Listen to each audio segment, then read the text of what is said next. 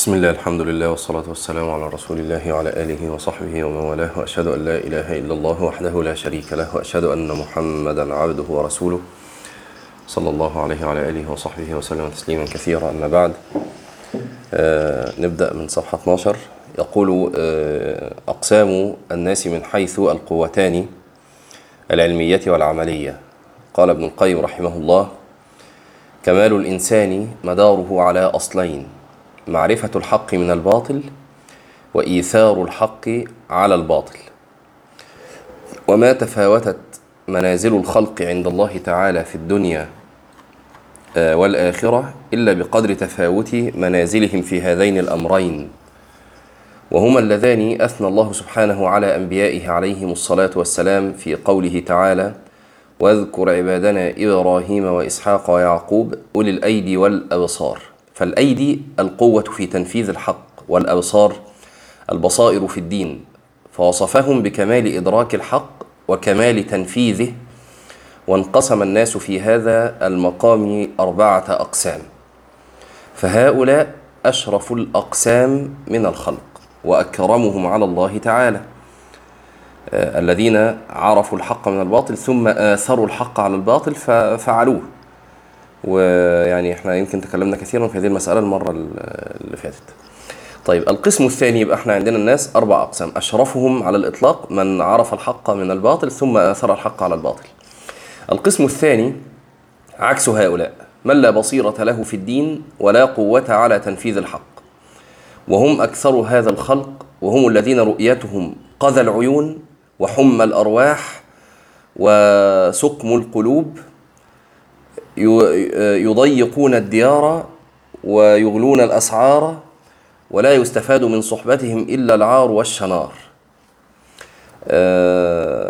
يعني كأن ابن القيم يرى أن أكثر الخلق على هذه الصفة ولا حول ولا قوة إلا بالله. رجل لا بصيرة له في دين ولا قوة له على تنفيذ حق. فهؤلاء اغسل يديك منهم فرؤيتهم قذى العيون وحمى الأرواح وسقم القلوب إلى آخره. القسم الثالث من لا بصيرة له في الهدى ومعرفة الح... ومع من لا بصيرة له في الهدى ومعرفة به ولكنه من له أيوة من له بصيرة في الهدى ومعرفة به ولكنه ضعيف لا قوة له على تنفيذه ولا الدعوة إليه وهذا حال المؤمن الضعيف. رجل يعرف الحق من الباطل لكن ليس له قوة على تنفيذ هذا الحق ولا أن يدعو إلى هذا الحق. هذا هو المؤمن الضعيف والمؤمن القوي خير وأحب إلى الله منه. ومثال ذلك يا جماعة إنك مثلا عارف قيام الليل فيه من الثواب كذا وكذا وتلاقي نفسك كل ليلة ما ما تقيمش الليل. الآن طبعا السمع والمتكلم يعني الآن أنت عندك بصيرة. في هذه الجزئية من الدين عندك بصيرة. عارف أن قيام الليل مستحب وفيه ثواب عظيم. لكن ليس عندك قوة لتنفيذ هذا الذي تراه حقا أو تعرف فضله. فهذا مؤمن ضعيف. والمؤمن القوي خير وأحب إلى الله من المؤمن الضعيف. طب يعني هل يكون عليك تبعة؟ نقول إذا ضعفت قوتك عن الواجبات أو عن ترك المحرمات. نعم يكون عليك تبعة. يعني هنا يا جماعة برضو يعني ممكن في القسم الواحد تجد الناس أقساما. يعني يعني القسم الثالث ده تلاقيه درجات برضو ما هواش كله على درجة واحدة. ممكن رجل يقوى على فعل الواجبات وترك المحرمات. وهذا غالبا الوازع الذي يعني يدفعه إلى العمل وازع الخوف. يعني هو من هذه حاله فغالبا تجد إن وازع الخوف عنده أعلى من وازع إنه إيه الرجاء إنه يرجو من الله عز وجل الجنان وكذا. لا ده هو بس إيه عاوز يفلت من النار. فبيعمل بيعمل الواجب ويترك المحرم. ممكن واحد تاني لا بقى يعني حاله أعلى من كده أو واحد أقل من كده. طيب القسم الرابع من له قوة وهمة وعزيمة لكنه ضعيف البصيرة في الدين. لا لا يكاد يميز أولياء الرحمن وأولياء الشيطان بل يحسب كل سوداء تمر كل سوداء تمرة وكل بيضاء شحمة يحسب الورم شحما والدواء النافع سما. آه وفي مثل هذا جاء آه، شكوى عمر جاءت شكوى عمر رضي الله عنه لما شكى أو إيه آه، آه، ضعف المؤمن وجلد الإيه الفاجر. يبقى ده ورجل عنده قوة وهمة وعزيمة لكن مصروفة في غير الحق. ليه؟ لأنه ما عنده بصيرة. وليس في هؤلاء في هؤلاء من يصلح للإمامة في الدين ولا هو موضع لها سوى القسم الأول. قال الله تعالى وجعلنا منهم أئمة يهدون بأمرنا لما صبروا وكانوا بآياتنا يوقنون. فأخبر سبحانه أنهم بالصبر واليقين بآيات الله نالوا الإمامة في الدين. وهؤلاء هم الذين استثناهم الله سبحانه من جملة الخاسرين وأقسم بالعصر الذي هو زمن سعي الخاسرين والرابحين. على أن من عداهم فهو من الخاسرين. فقال تعالى والعصر إن الإنسان لفي خسر إلا الذين آمنوا وعملوا الصالحات وتواصوا بالحق وتواصوا بالصبر. آه، إلا الذين آمنوا فحصلوا القوة العلمية وعملوا الصالحات فحصلوا القوة العملية. آه، وقال أيضا رحمه الله يعني ابن القيم فمن الناس من يكون من يكون له القوة العلمية الكاشفة عن الطريق ومنازلها وأعلامها وعوارضها ومعاثرها وتكون هذه القوة أغلب القوتين عليه. ويكون ضعيفا في القوة العملية يبصر الحقائق ولا يعمل بموجبها. ويرى المتالف والمخاوف والمعاطب ولا يتوقاها. فهو فقيه ما لم يحضر العمل. فإذا حضر العمل شارك الجهال في التخلف وفارقهم في العلم. يعني عنده علم لكن يشارك الجهال في التخلف عن العمل. آه، وهذا ربما كان عند الله عز وجل أسوأ حالا منهم. وهذا والغالب على أكثر النفوس المشتغل المشتغلة بالعلم والمعصوم من عصمه الله ولا قوة إلا بالله. طبعا أقصد ربما كان حاله أسوأ منهم آه، لأن العلم آه، في حالته ربما كان وبالا عليه. يعني أمام الله عز وجل يوم القيامة. ومن الناس من تكون له القوة العملية الإرادية. طبعا كلام واضح. وتكون أغلب القوتين عليه. وتقتضي هذه القوة السير والسلوك والزهد في الدنيا والرغبة في الآخرة والجد والتشمير في العمل. ويكون أعمى البصر عند ورود الشبهات في العقائد والانحرافات في الأعمال والأقوال والمقامات. كما كان الأول ضعيف العقل عند ورود الشهوات. فداء هذا من جهله وداء الأول من فساد إرادته وضعف عقله. وهذا حال أكثر أرباب الفقر والتصوف السالكين على غير طريق العلم بل على طريق الذوق والوجد والعادة. يرى أحدهم أعمى عن مطلوبه لا يدري من يعبد ولا بماذا يعبده. فتارة يعبده بذوقه ووجده وتارة يعبده بعادة قومه وأصحابه من لبس معين وكشف رأس أو حلق لحية ونحوها. وتارة يعبده بالأوضاع التي وضعها بعض المتحذلقين وليس لها أصل في الدين. وتارة يعبده بما تحبه نفسه وتهواه كائنا ما كان. وهنا طرق ومتاهات لا يحصيها إلا رب العباد. فهؤلاء كلهم عمي عن ربهم وعن شريعته ودينه. لا يعرفون شريعته ودينه الذي بعث به رسله وأنزل به كتبه ولا يقبل من أحد دينا سواه كما أنهم لا يعرفون صفات ربهم التي تعرف بها إلى عباده على ألسنة رسله ودعاهم إلى معرفته ومحبته من طريقها فلا معرفة له بالرب ولا عبادة ولا عبادة له. ومن كانت له هاتان القوتان استقام له سيره إلى الله ورجي له النفوذ وقوي على رد القواطع والموانع بحول الله وقوته. فإن القواطع كثيرة شأنها شديد لا يخلص من حبائلها إلا الواحد بعد الواحد. ولولا القواطع والآفات لكانت الطريق معمورة بالسالكين. هو إيه اللي خلى الطريق إلى الله عز وجل آه، طريقا موحشة. آه، إن لابد م- م- لسلوكها من تحصيل القوتين جميعا قوة علمية وقوة عملية. وأغلب أحوال الناس ما عندهم همة يعني. من وجد همة لتحصيل الأولى لم يجد همة لتحصيل الثانية والعكس. آه، ولذلك كانت الطريق موحشة.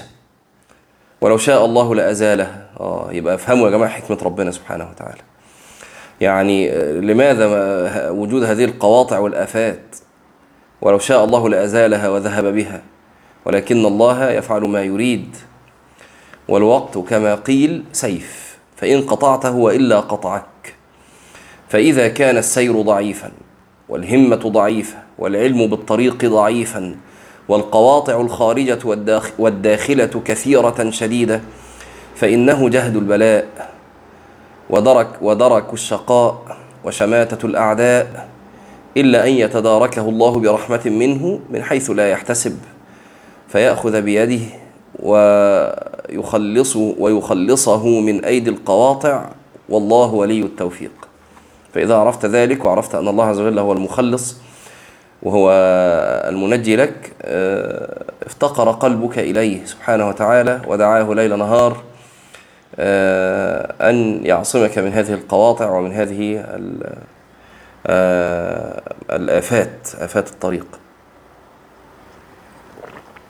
ثم قال الهمة مح- محلها القلب.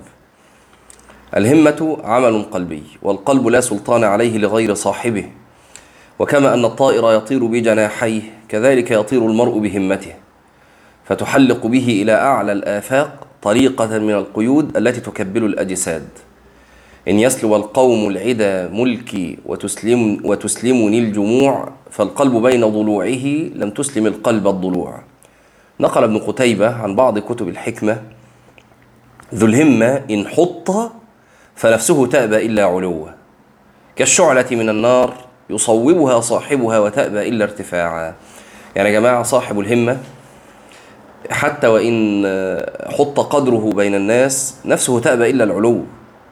زي كده بيشبهه بالنار. عارفين عارفين شعلة النار لما تمسك كبريت أو شمعة؟ والكبريت وانت رافعه لفوق ولا الشمعة لفوق تلاقي النار لفوق. طيب ميله كده خليه أفقي. ما تخلوش رأسي.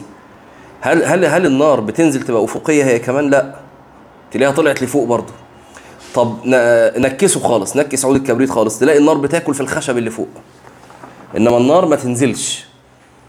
فكذلك ذو الهمة. وإن حط تأبى فنفسه تأبى إلا العلو. ثم ذكر مسألة مهمة وهي أن همة المؤمن آه، أبلغ من عمله. قال صلى الله عليه وسلم من هم بحسنة فلم يعملها كتبها الله عنده حسنة حسنة كاملة. آه، آه، هنا يا جماعة هذا الرجل حصل القوتين.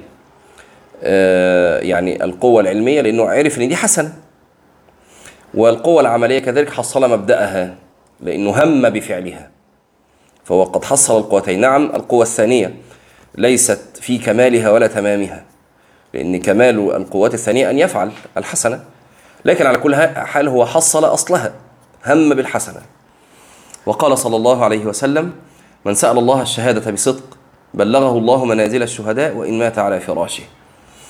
فهذا أيضا حصل القوتين. فعرف منازل الشهداء وثواب الشهادة فقد حصل القوة العلمية وتاقت نفسه إليها ثم لم يجد السبيل إلى ذلك. فسأل الله الشهادة بصدق فكأنه أيضا قد حصل القوة العملية وهذا آه، آه، قيد وضعه النبي صلى الله عليه وسلم بصدق. يعني إيه بصدق؟ يعني لو آه، يعني حال سؤاله الشهادة لو نودي أن يا خيل الله اركبي لخرج لأنه صادق.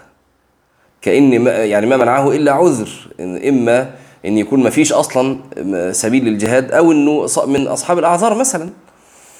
لكنه حصل القوة العملية على كل حال. فهذا الرجل أيضا حصل القوتين القوة العلمية والقوة العملية. وقال صلى الله عليه وسلم في من تجهز للجهاد ثم أدركه الموت. قد أوقع الله أجره على قدر نيته. واضح طبعا أن هذا أيضا حصل القوتين.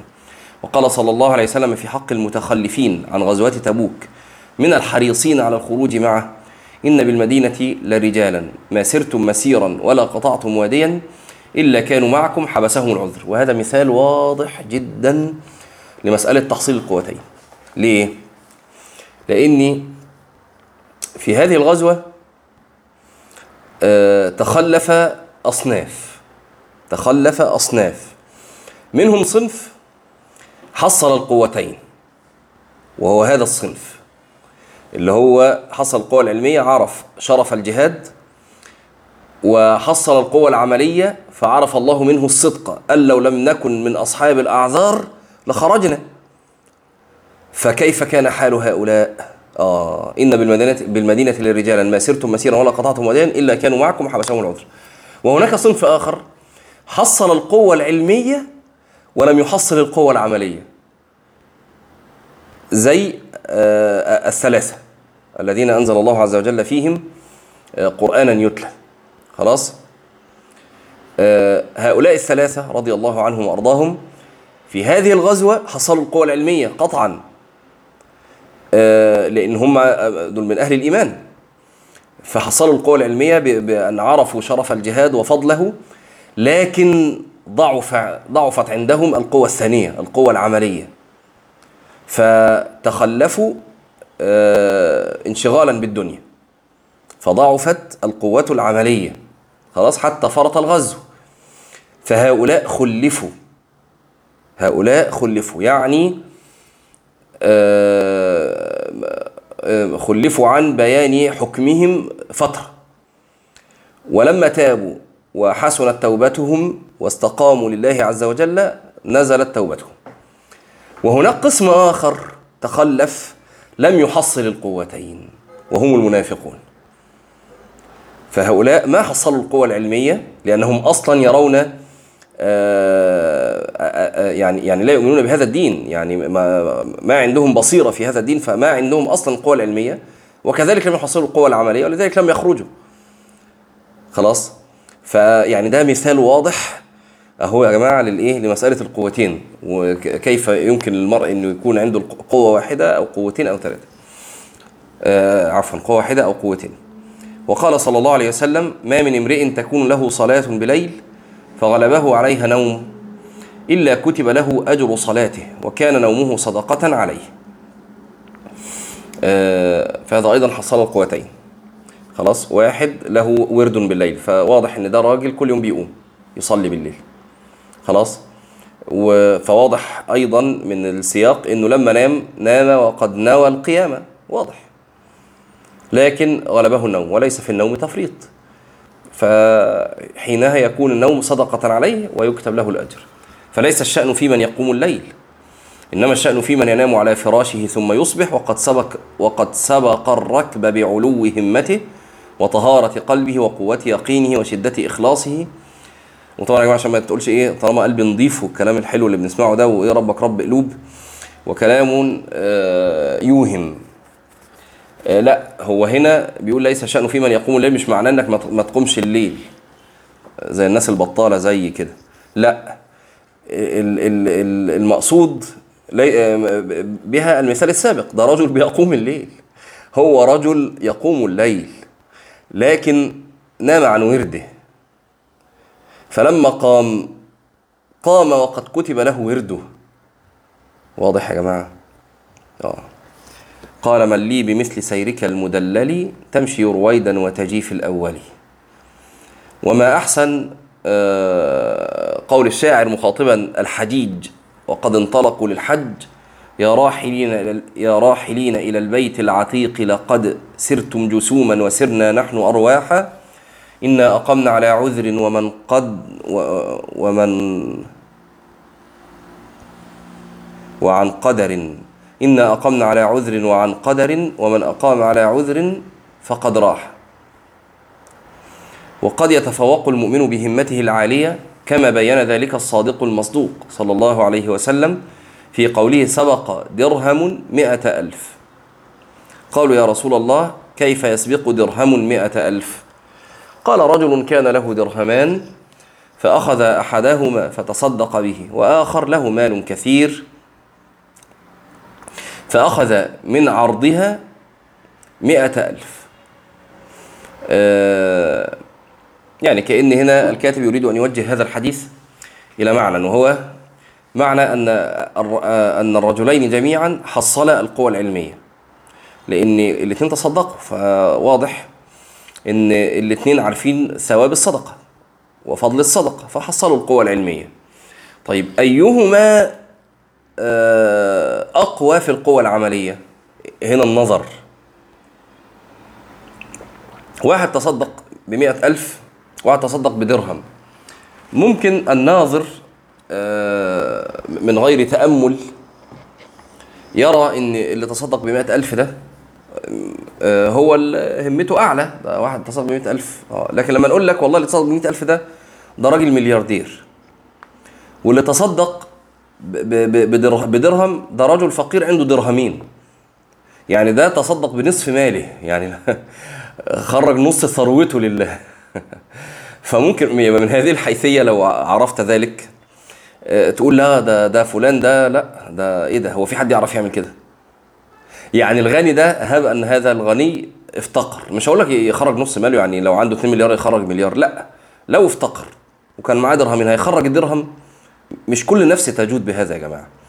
آه تجد تجد انفسا كثيرة آه، ممكن تجود بالمئة ألف لو هي معاها 2 3 مليون ولا أكتر ولا أقل. لكن ما تج- ما تجدش كثير يجود بدرهم وهو معاه درهمين. واضح؟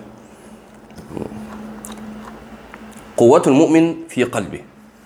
قال الإمام المحقق ابن القيم رحمه الله اعلم أن العبد إنما يقطع منازل السير إلى الله بقلبه وهمته لا ببدنه. وهنا عدم نفي القطع بالبدن مش معناها إن هو البدن ملوش لازمة. لا هو البدن كالدابه البدن كالدابه فمن المحرك للدابة؟ فاهمين يا جماعة؟ آه يعني لما نيجي نقول آه، آه، آه، السيارة مثلا اللي أنت بتقطع بها الطريق السيارة لو أنت ما حركتهاش مش هتتحرك. فحينها يصدق إن إحنا نقول إحنا قطعنا الطريق بالسيارة يصدق ذلك ويصدق أن يقول لولا السائق لما قطعنا الطريق. صح؟ فكذلك البدن والإيه؟ والقلب. فالقلب هو السائق والبدن الدابة السيارة. اعلم أن العبد إنما يقطع منازل السير إلى الله بقلبه وهمته لا ببدنه. والتقوى في الحقيقة تقوى القلوب لا تقوى الجوارح. قال تعالى ذلك ومن يعظم شعائر الله فإنها من تقوى القلوب. ولا, شك أن تقوى القلوب آه، آه، تنعكس على الجوارح. فتظهر تقوى الجوارح. خلاص؟ أنا بحاول دايما يعني إيه أوجه كلام ال- العلماء علشان الناس في بعض الناس عندها مفاهيم مغلوطة. ولا نحسب يعني إن احد إن احدا من هذا المجلس عنده هذه المفاهيم. لكن آه، على كل حال نوضح هذا. وقال لن ينال الله لحومها ولا دماؤها ولكن يناله التقوى منكم. وقال النبي صلى الله عليه وسلم التقوى ها هنا وأشار إلى صدره فالكيس يقطع من المسافة بصحة العزيمة وعلو الهمة وتجريد القصد وصحة النية مع العمل القليل أضعاف ما يقطعه الفارغ من ذلك مع التعب الكثير. والسفر الشاق فإن العزيمة والمحبة تذهب المشقة وتطيب السير. و آه فإن العزيمة والمحبة تذهب المشقة وتطيب السير. ومعنيين جمال جدا الحقيقة.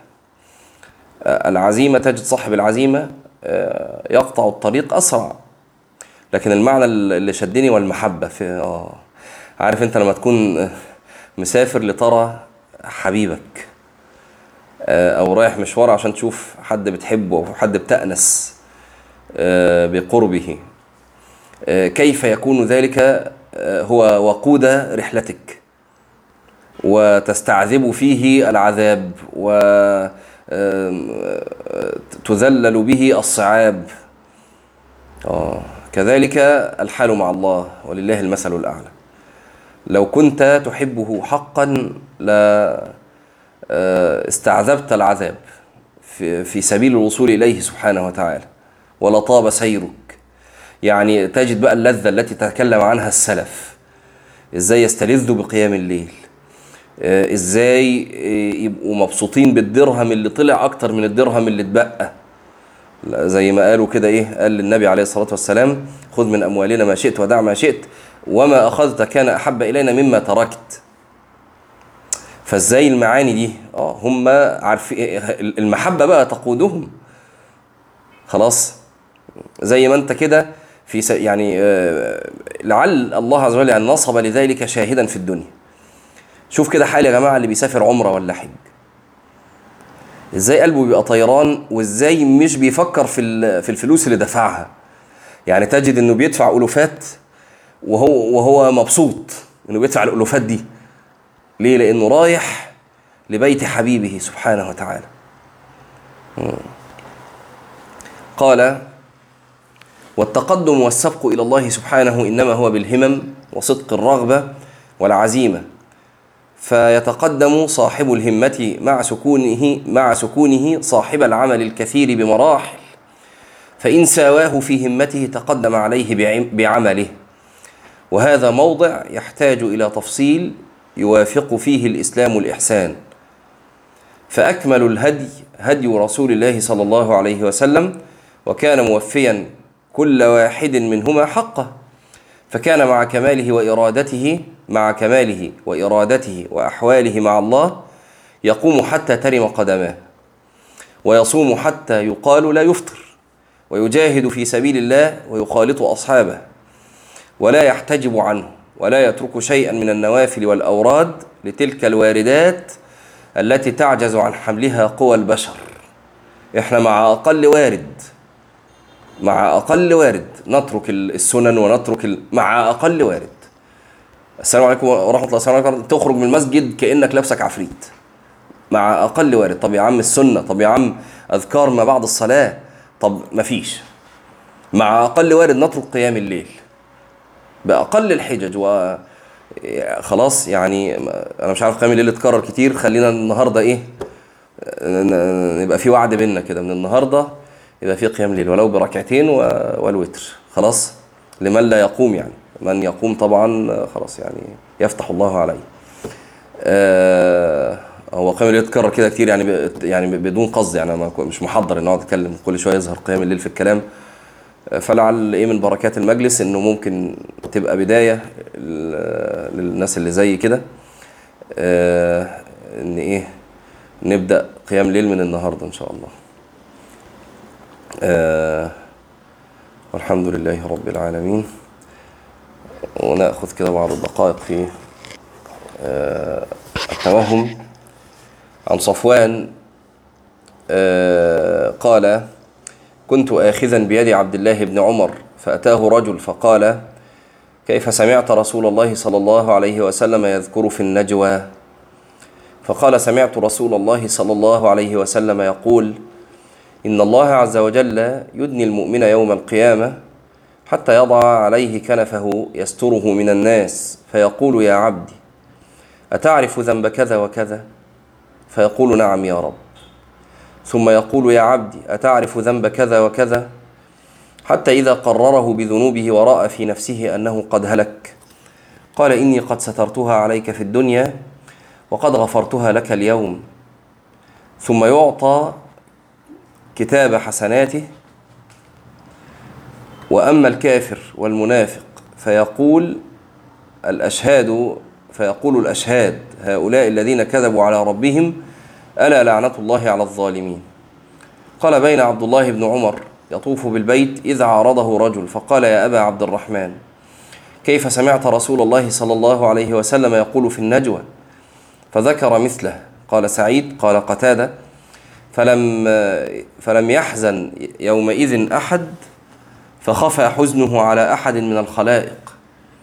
عن ابن مسعود أنه قال ينشر الله عز وجل كنفه يوم القيامة على عبده المؤمن ويبسط كفه لظهرها فيقول يا ابن آدم هذه حسنة قد عملتها في يوم كذا وكذا قد قبلتها وهذه خطيئة قد عملتها في يوم كذا وكذا قد غفرتها لك فيسجد فيقول الناس طوبى لهذا العبد الصالح الذي لم يجد في صحيفته إلا حسنة أو قال في كتابه. يعني كأنه لما سجد رفع الله الكنف والستر فرآه الناس على هذه الحال ساجدا. فتوهموا أن سجوده ذلك لما رأى من الحسنات التي في كتابه والحقيقة أن الله عز وجل قد ستر عنهم سيئاته. فكما أن ستر الله عز وجل سيئاتنا عن عباده في الدنيا فنرجو أن يتمم الله عز وجل ستره علينا يوم القيامة بأن يستر سيئاتنا وبلاوينا وجهلنا وظلمنا وإجرامنا آه، وأن يغفر ذلك. آه، قال عن عبد الله بن حنظلة قال إن الله عز وجل يقف يقف عبده يوم القيامة فيبدي حسناته في ظهر صحيفته فيقول له أنت عملت هذا؟ فيقول نعم أي رب. فيقول إني, لن إني لم أفضحك به اليوم وإني قد غفرت لك اليوم. فيقول عندها هلموا اقرأوا كتابي. إني ظننت أني ملاق حسابي حين نجا من فضيحة يوم القيامة. وأنت الآن آه، يعني اعمل عقلك الآن في سيئات آه، تخاف أن تفضح بها. يعني كل واحد منا كده أكيد ليه خبيئة من سيئة. في زمان كان لهم خبايا من الحسنات. أمثالنا اليوم خباياهم كلها يعني زفت وحاجة يعني ففكر كده في هذه الخبايا لو ظهرت. ظاهرك ظاهر المتدينين وسمتك ذلك السمت الحسن. لكن عندك خبايا لو ظهرت لفضحت بين الناس. آه، فتخيل أن يعني أنت إيه هتطف... يعني لو ظهرت الآن فهتفضح هتفضح من كام واحد؟ يعني ألف واحد ألفين واحد. اللي يعرفوك يعني في الدنيا دي في الكوكب ده. فتخيل بقى أن تكون فضيحتك يوم القيامة على رؤوس الخلائق اللي هم فيهم مين؟ اللي فيهم النبي عليه الصلاة والسلام. واقف ويشوف خبيئتك هذه واللي فيهم أبو بكر وعمر. وباقي الأنبياء أصلا قبل هؤلاء. وقبل ذلك كله أن تكون هذه الفضيحة بين يدي ربك سبحانه وتعالى. فنتوب يا جماعة نتوب من هذه الفضائح ومن هذه ال ال ال يعني المدنسات. إني ظننت أني ملاق حسابي حين نجا من فضيحته يوم القيامة. وأما الأمر الآخر فإما أن يقول لك عبدي أنا غضبان أنا غضبان عليك فعليك لعنتي. فلن أغفر لك عظيم ما آتيت ولن أتقبل منك ما عملت. فيقول لك في ذلك عند بعض ذنوبك العظيمة أن يقول لك أتعرفها؟ فتقول نعم وعزتك فيغضب عليك. فيقول وعزتي لا تذهب بها مني. آه، فنحن على يقين بفعلنا. إحنا متأكدين كلنا إن إحنا أجرمنا. وعلى شك بأي ال يعني الطريقة الأمرين يعاملنا الله عز وجل. فنادى الزبانية فيقول خذوه. فما ظنك بالله عز وجل يقولها بعظيم كلامه وهيبته وجلاله؟ فتوهم إن لم يعفو عنك. وقد سمعتها من الله عز وجل بالغضب وأسند إليك الزبانية بفظاظتها وغلظها وغلظ أكفها آه، مستدفرة بأزمة من النيران غضابا لغضب الله عز وجل بالعنف عليك والغلظ والتشديد فلم تشعر حين قالها إلا ومجست غلظ أكفهم في قفاك وعنقك. فتوهم غلظ أكفهم حين قبضوا على عنقك بالعنف يتقربون إلى الله عز وجل بعذابك وهوانك. فتوهم نفسك مستجذبا ذليلا موقنا بالهلاك. وأنت في أيديهم وهم ذاهبون بك إلى النار.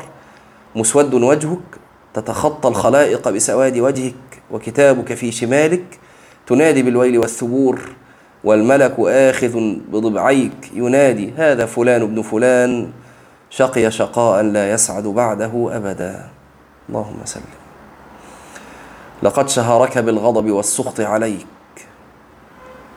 ولقد تمت فضيحتك عند خلقه فأخلف حسن ظن الظانين بك وحقق تهم المتهمين لك ولعله إن فعل ذلك بك فعله بتصنعك لطاعته عند عباده بطلب المنزلة عندهم بسقوط المنزلة والجاه عنده سبحانه وتعالى. ففضحك عند من آثرته عليه في المعاملة ورضيت بحمده على طاعة ربك عز وجل عوضا من حمده إياك تبارك وتعالى. سبحانك اللهم وبحمدك أشهد أن لا إله إلا أنت نستغفرك ونتوب إليك. السلام عليكم ورحمة الله وبركاته.